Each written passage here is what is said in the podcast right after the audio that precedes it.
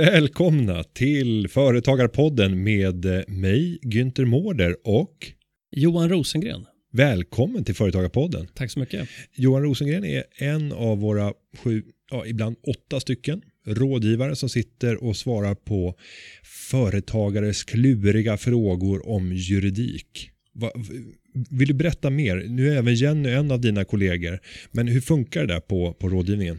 Ja, vi, precis. Vi, vi, har ju, vi brukar ofta säga att vi är ju som någon form av eh, fullservicebyrå. Det vill säga vi kan svara på alla frågor i princip som hör ditt företag till. Och Det kan ju vara allt ifrån skattejuridiska frågor, arbetsrättsliga frågeställningar, offentlig upphandling, eh, arbetsrätt eller ja, avtalsrätt, entreprenadjuridik, det vill säga allt som hör ditt företag till.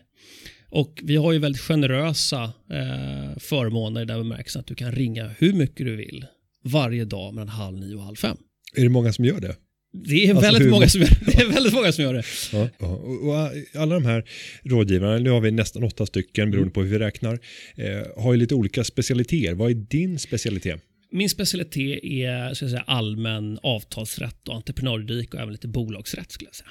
Mm. Och vilka typer av företagare är det framför allt som hamnar hos dig? Nu är det ju en femtedel av våra medlemmar är ju från bygg, en femtedel från handel, nästan en femtedel är solokonsulter och 13 procent tror jag ligger på eh, tillverkningsindustri och sen är det lång svans av övriga branscher. Är det ungefär så det ser ut när det gäller frågorna Det är också? väl väldigt en bra bild du beskriver. Ja. Det är lite riskfyllt när du sitter i den här studion. För vi har fått en, en inte en fråga utan en kommentar.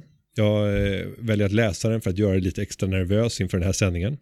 Eh, namn från den här frågeställaren Hon har skickat in frågan via företagarpodden.se. Där finns ett frågeformulär. Sen kan man ju också använda hashtag företagarpodden eh, på Twitter och Instagram för att ställa frågor.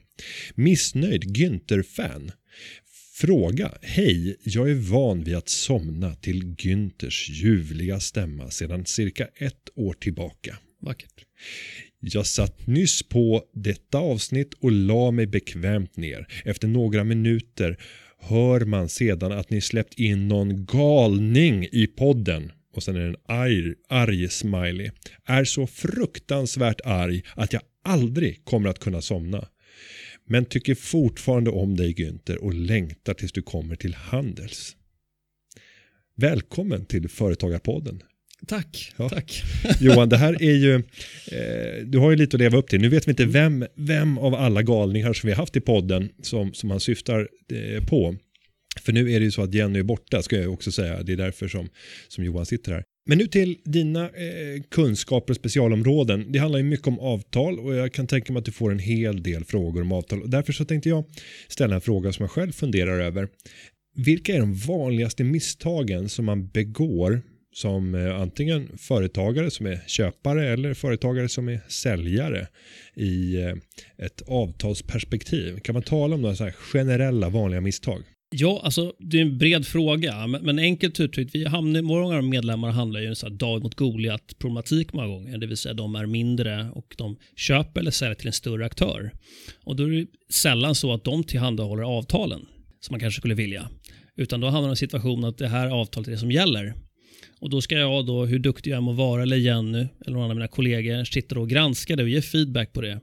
Och eh, generellt sett så skulle jag säga att vi jurister läser ju gärna avtal baklänges som man läser en tidning. Det vill säga, var någonstans ska man avgöra tvisten till att börja med? Och det är ju inte helt ovanligt att det är skiljeförfarande. Och vad, och vad betyder ett, ett skiljeförfarande egentligen? För det brukar Skiljeför- stå vid handelskammare. Ja, precis. Om jag förenklar det då, ska man ka- kalla det som en privat domstol. Eh, styrkan är ju att det går väldigt fort. Det går väl minst dubbelt så fort som till exempel om det handläggs i en domstol i Stockholm eller liknande.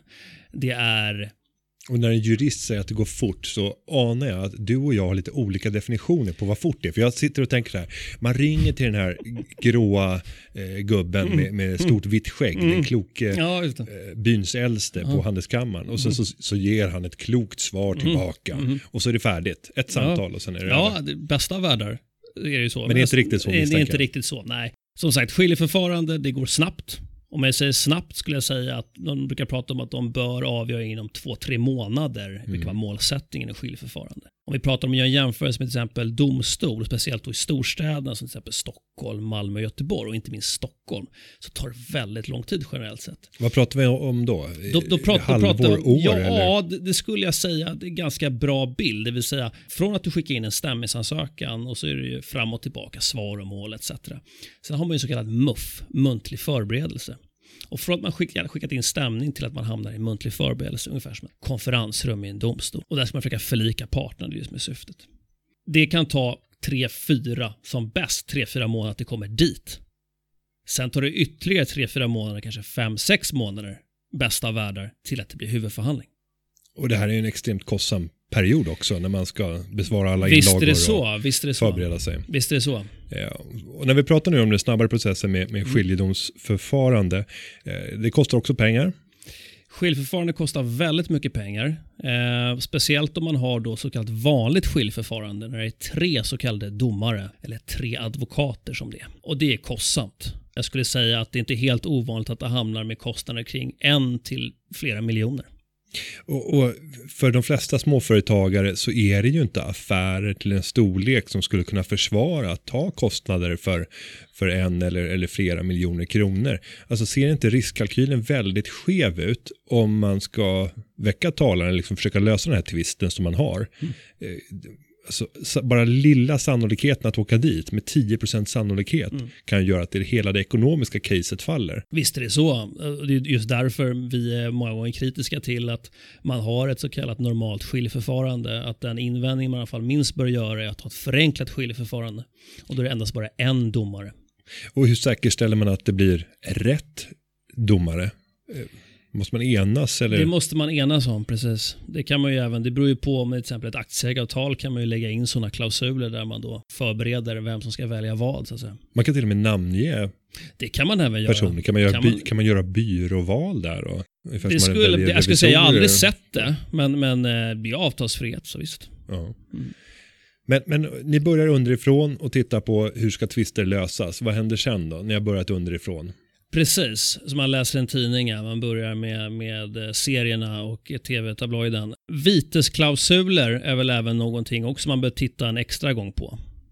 Och, och, vad är de vanligaste skrivningarna om vi pratar eh, företag som gör affärer med varandra? Ja, det är alltså att vid varje avtalsbrott så kommer utfalla en viss, ett visst vite, det vill säga ett visst koncentrerat skadestånd på en viss höjd. Det vill säga det kan vara 250 000, en halv miljon etc. Mm. Eh, och, och, hur vanligt är det om vi tittar på ett eh, mindre företag som gör affärer med ett, ett större företag att det finns sådana här hiskliga belopp inskrivna? Mycket, mycket vanligt. Även när man skriver avtal om relativt begränsade belopp, eller? Skiljeförfarande skulle jag säga är huvudregeln. När det gäller just eh, vitesklausuler, självklart, de hålls ju nere kan jag göra, men jag skulle säga generellt sett är de alldeles för höga. De står sällan i proportion till avtalet i övrigt. Och sen tittar man på vitesbelopp och om vi går vidare sen i, i avtalet är det andra saker som ni särskilt granskar. Det är som, som alltid när man tittar på avtal, det vill säga framgår partsavsikten, är det en bra balans i avtalet? Det är många gånger en alldeles för komplexitet i avtalen. De har inte bärighet i verkligheten. Och det är väldigt svårt för den lilla företagaren att förstå vad är det jag egentligen skriver på. Ja, och det där möter vi väl egentligen dagligen som vanliga konsumenter också i den digitala världen där det är helt absurda avtal. Ta bara när man ska uppdatera sin telefon eller sin läsplatta och så ska man godkänna ett nytt operativsystem. Eller att det upp, inte ett nytt utan att uppdatera. Så kan det vara liksom spaltkilometer med avtalstext står det i rimlig proportion? Nej, det gör ju inte det många gånger. Det är ju någon form av amerikansk modell man tillämpar de här abnorma avtalen. Men världen håller på att bli sjuk och du är en, en, en del av det, eller? ja, ja, precis. Nej, jag, jag, jag är ju en man i ekohjulet så att säga. Det genererar jobb till mig. Ja. Så att, eh, men, eh, men kan vi se något slut på det här? Kan vi se ett samhälle där juristerna bestämmer sig för att vänta nu eh, tjejer och grabbar, nu, nu tacklar vi tillbaka här. Nu, mm. nu förenklar vi. För att är det inte en eskalering? Kan man mäta eh, någon form av index för juridisk komplexitet i samband med olika typer av affärer? Och se? Är det någon som har gjort någon sån? Har du sett någon sån undersökning eller liknande? Det har jag inte gjort, men jag skulle säga generellt är ju just det du är inne på Günther, att det är en, det är en generell kritik mot eh, komplexiteten även av de mest enkla affärerna. Och även då som konsumenter, och då finns det ju då självklart möjligheten att man driver det här vidare, att man jämkar, man anser att de är oskäliga. Det är sällan så som du säger, man köper en, en, digit, en produkt digitalt, eh, det är inte så att du direkt läser de här 20 sidorna på amerikanska eller engelska Eh, utan du säger du godkänner accept liksom. Och jag kommer ju ursprungligen från en värld där den här typen av avtal är väldigt vanligt förekommande. Alltså Mm. enorma mängder avtalstext och det är finansbranschen. Mm. Där det är omöjligt att som konsument tränga sig igenom vad det är egentligen jag skriver på. Mm. Eh, Så man kan ju undra om det verkligen var intentionerna. Men om vi går vidare nu och börjar titta på de här avtalen som företag ingår. Vilka är de vanligaste slamkryparna som du får tas med i efterhand och där man upptäcker att jaha, här hade man slängt in någon liten fuling från motpartens sida.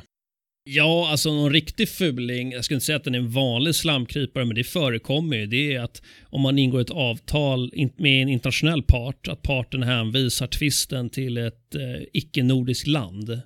Och det hamnar i situationen att din försäkring täcker inte den tvisten. Och det måste också bli fruktansvärt dyrt om man ska driva ärendet vidare för man har kanske inte kunskaper om det rättssystemet där. Korrekt. Eh, Och därför är det så viktigt då att man har en försäkring som då står i paritet med avtalet. Och hur säkerställer man det här? Kan vanliga försäkringstjänstemän svara på sådana frågor om man tar kontakt? Ja, eller? men det kan de. Det kan de. Och vilken service erbjuder försäkringsbolag? Kan man skicka sitt avtal och ställa frågan om jag skriver på det här avtalet kommer min försäkring att täcka? För det är förenat med en arbetsinsats Det, att gå det, in och... ja, alltså det beror nog på vilken relation man har med försäkringsbolaget och såklart. Eh, jag tror, det är en väldigt bra fråga. Jag tror generellt sett, jag har sett att man har skickat just enskilda klausuler. Just att säga, hur ska jag kunna teckna en försäkring som täcker just den här tvisten? Och sen fick jag lära mig, när man jobbar med internationell handel så fick jag lära mig ett ord under den rättsvetenskapliga introduktionskursen på civilekonomprogrammet.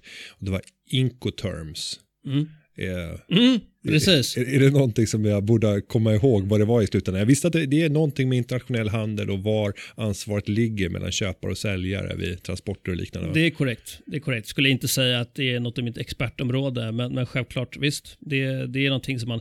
Det är ganska vanligt just i internationella affärer att man hänvisar till olika standardavtal och det är även där som vi pratade om tidigare att du måste ju veta vad du skriver på och förstå vad blir påföljderna vid en avtalstvist.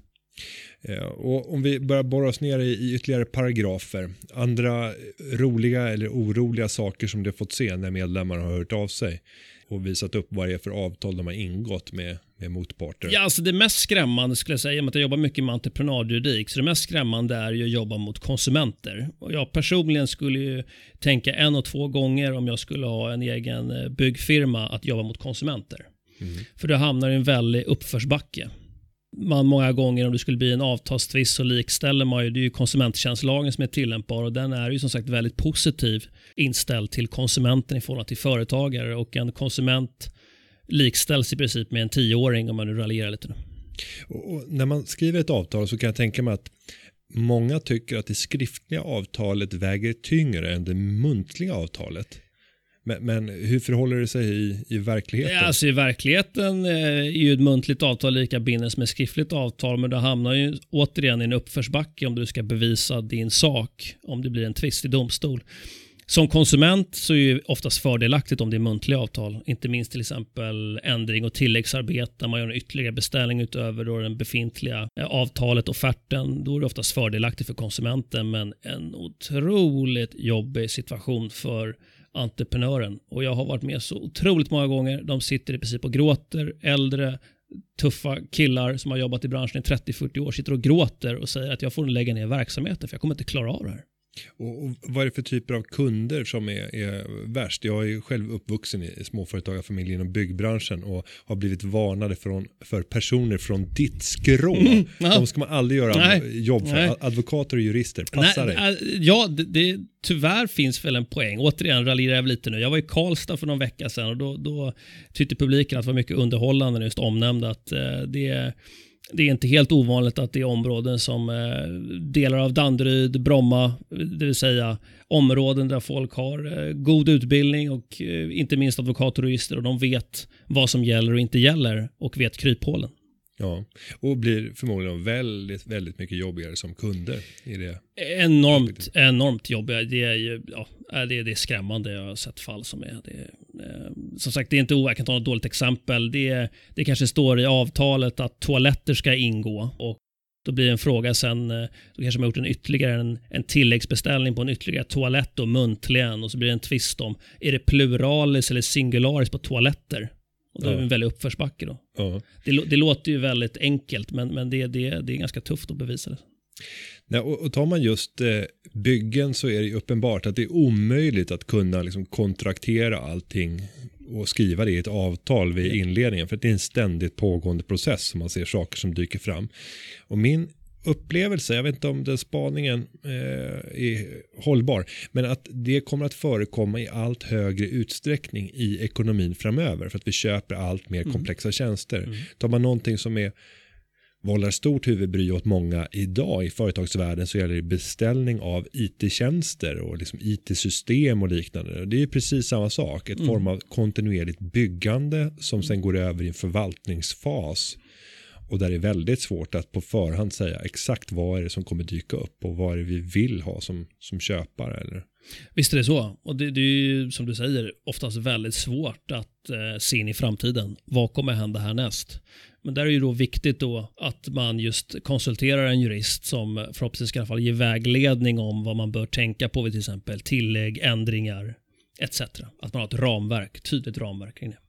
Och när en, en medlem hör av sig och vill ha någonting löst, mm. hur ofta är det som, som man faktiskt faller ut och, och eh, känner att man fick eh, säga, bästa möjliga utkomst? För jag, jag, kan föreställa mig att, att man vill tolka till sin egen fördel när man tar den initiala kontakten och säger, ja, men borde det inte vara så här? Borde jag inte kunna lösa på det här viset? Eh, visst är det så. Det är ju självklart så att de som vänder sig till oss, våra medlemmar, de är ju, ser subjektivt på saken. De, de, har ju alltid, de tycker som oftast att de har rätt och att konsumenten eller företagaren som gjort arbete för har eh, inte förstått avtalet eller det har brustit någonstans. Så att då får man ju många gånger göra då en en snabb rättslig analys eller en djupare analys och försöka ge då ett, ett korrekt svar eller en bedömning om vad är nästa steg.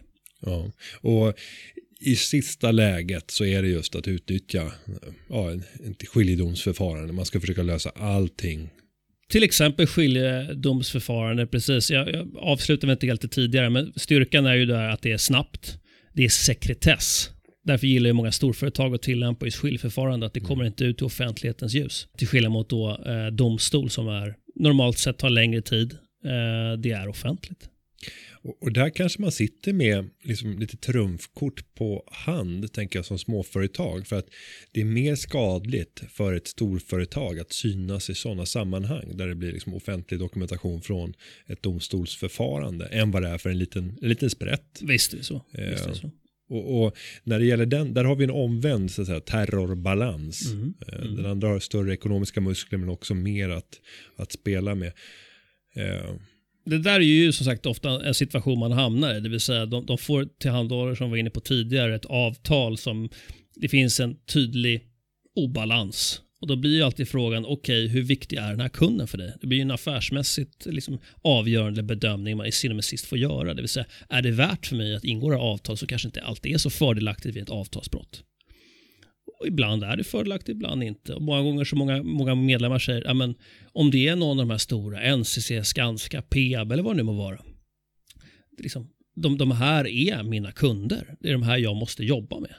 Liksom, då, då, då hamnar man ju i en, en jobbig situation och man kanske får acceptera ett avtal som då återigen är i obalans.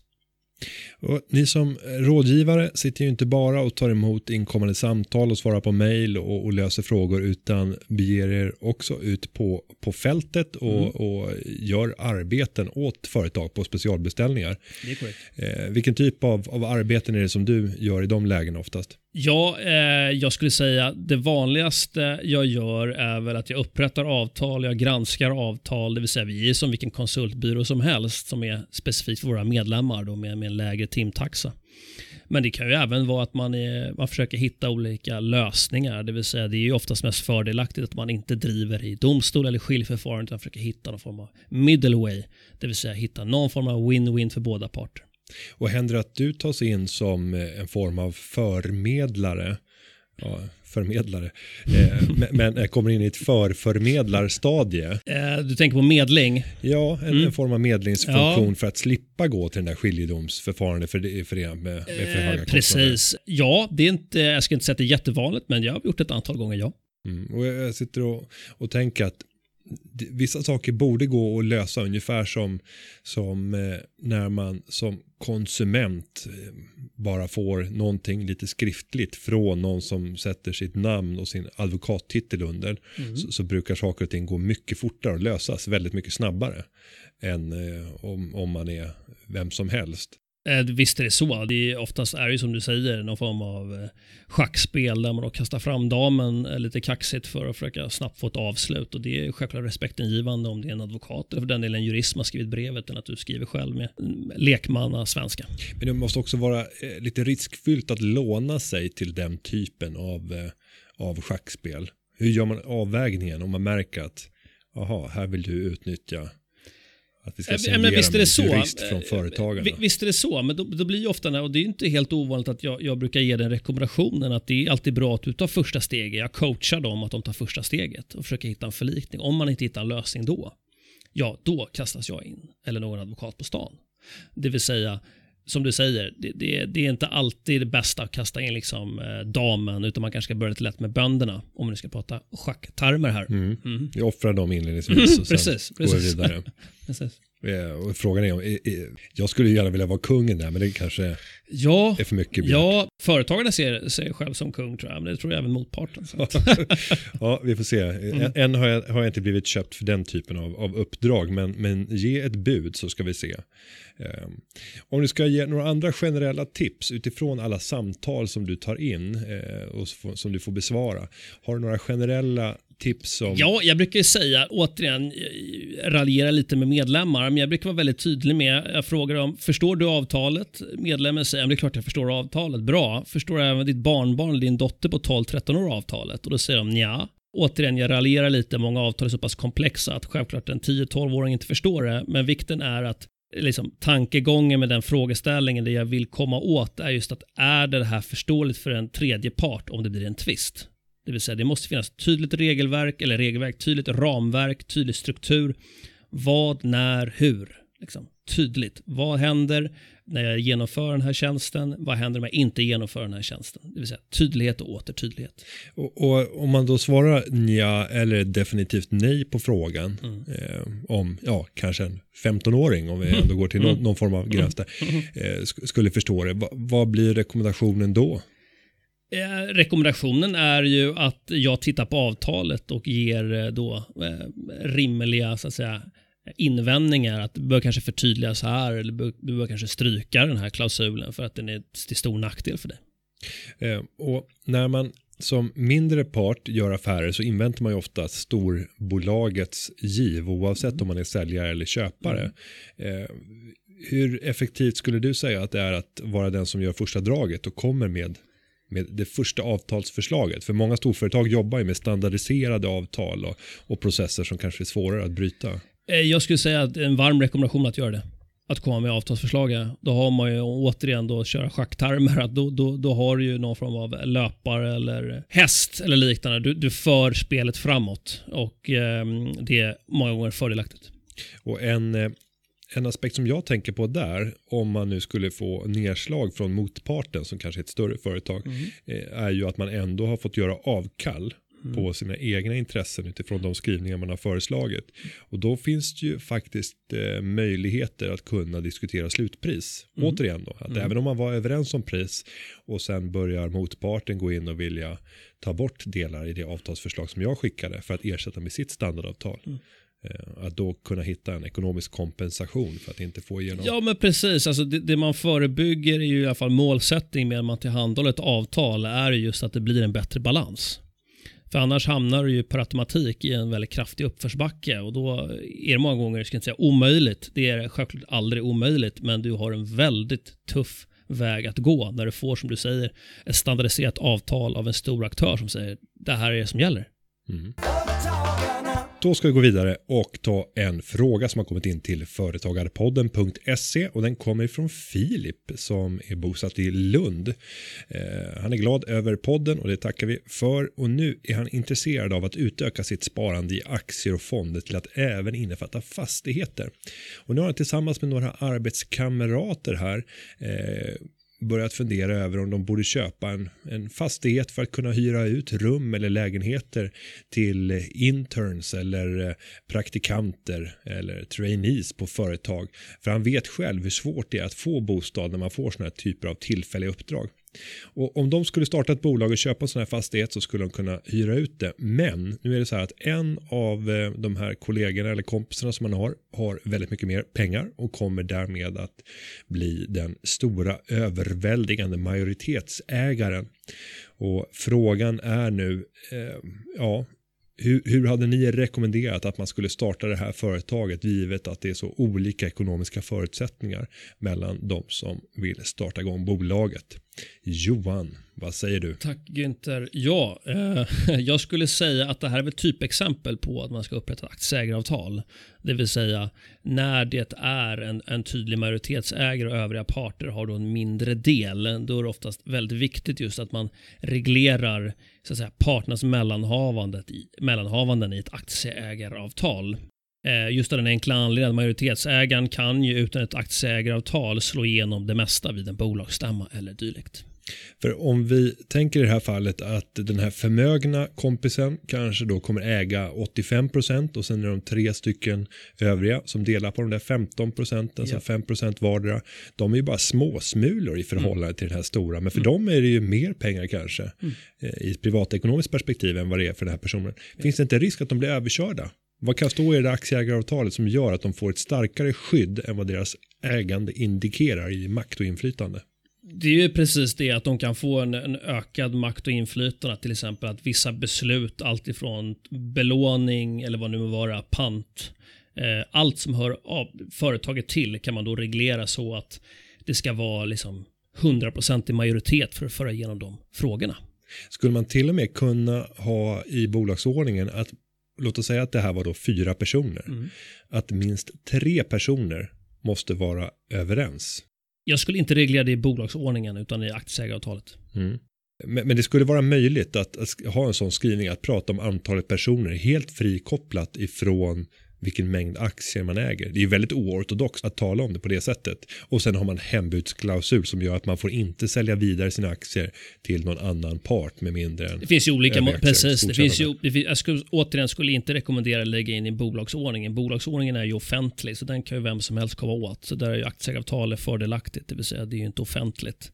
Eh, och det är ju som du säger ortodox, visst, men, men det är ju det bästa av världarna. Det är, ju, det är ju det här som är liksom skötet eller mest positiva av ett aktieägaravtal. Att man ska kunna få en, en, bättre balans även fast det finns en tydlig, i det här fallet som du exemplifierade, 85% av ägandeskapet.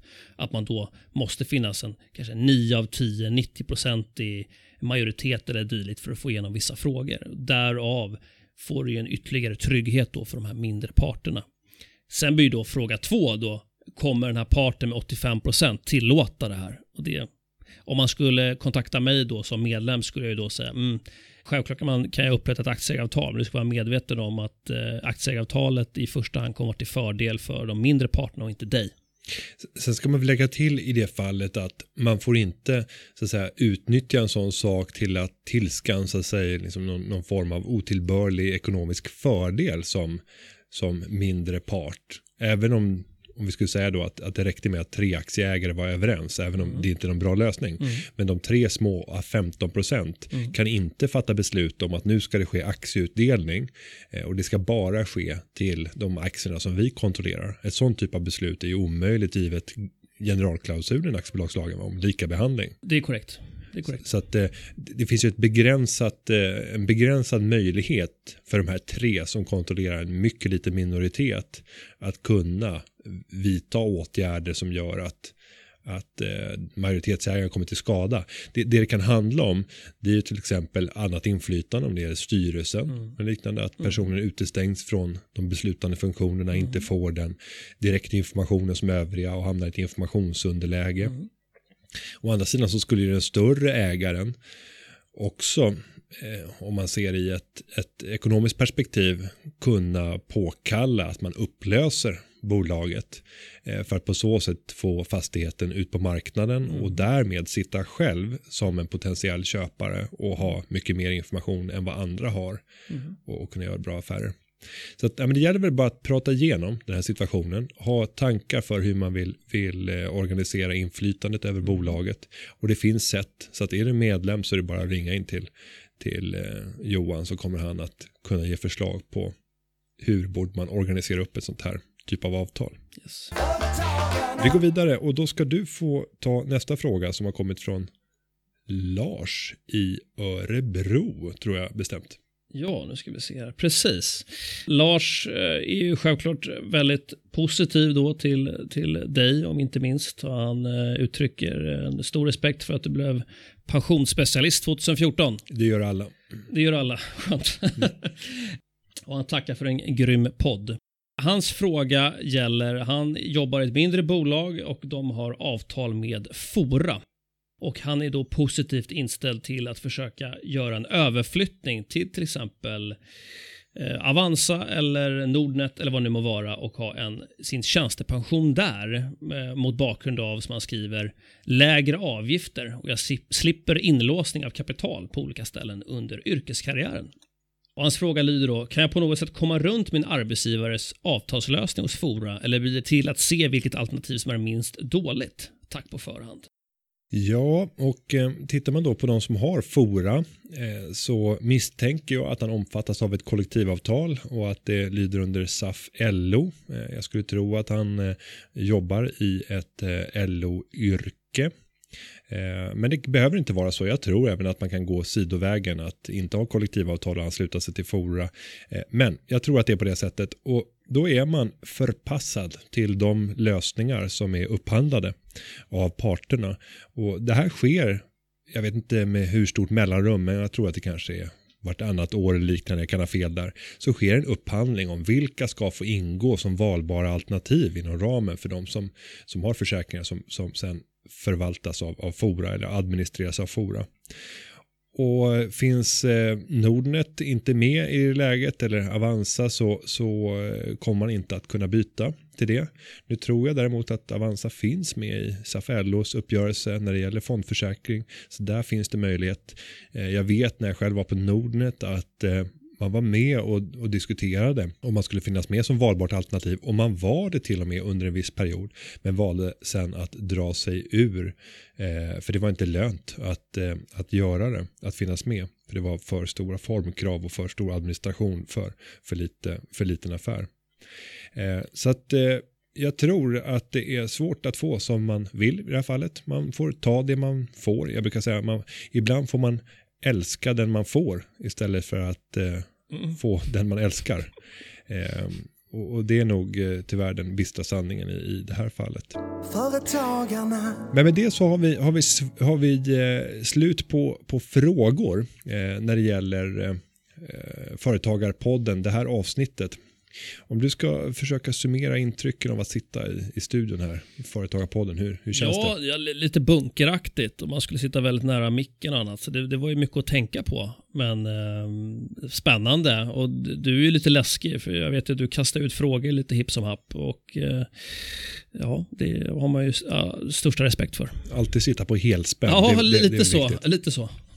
Eh, och om du skulle vilja göra några sista medskick, för nu är det faktiskt så att du sitter ju dagarna i ända och hjälper företag att bli framgångsrika i sitt företagande med hjälp av juridiken som, som vapen. Vilka skulle de sista medskicken vara? Ja, de sista medskicken är ju då återigen det här med tydlighet. Man ska hela tiden ha affärsmässigt tänk i alla affärer man ingår.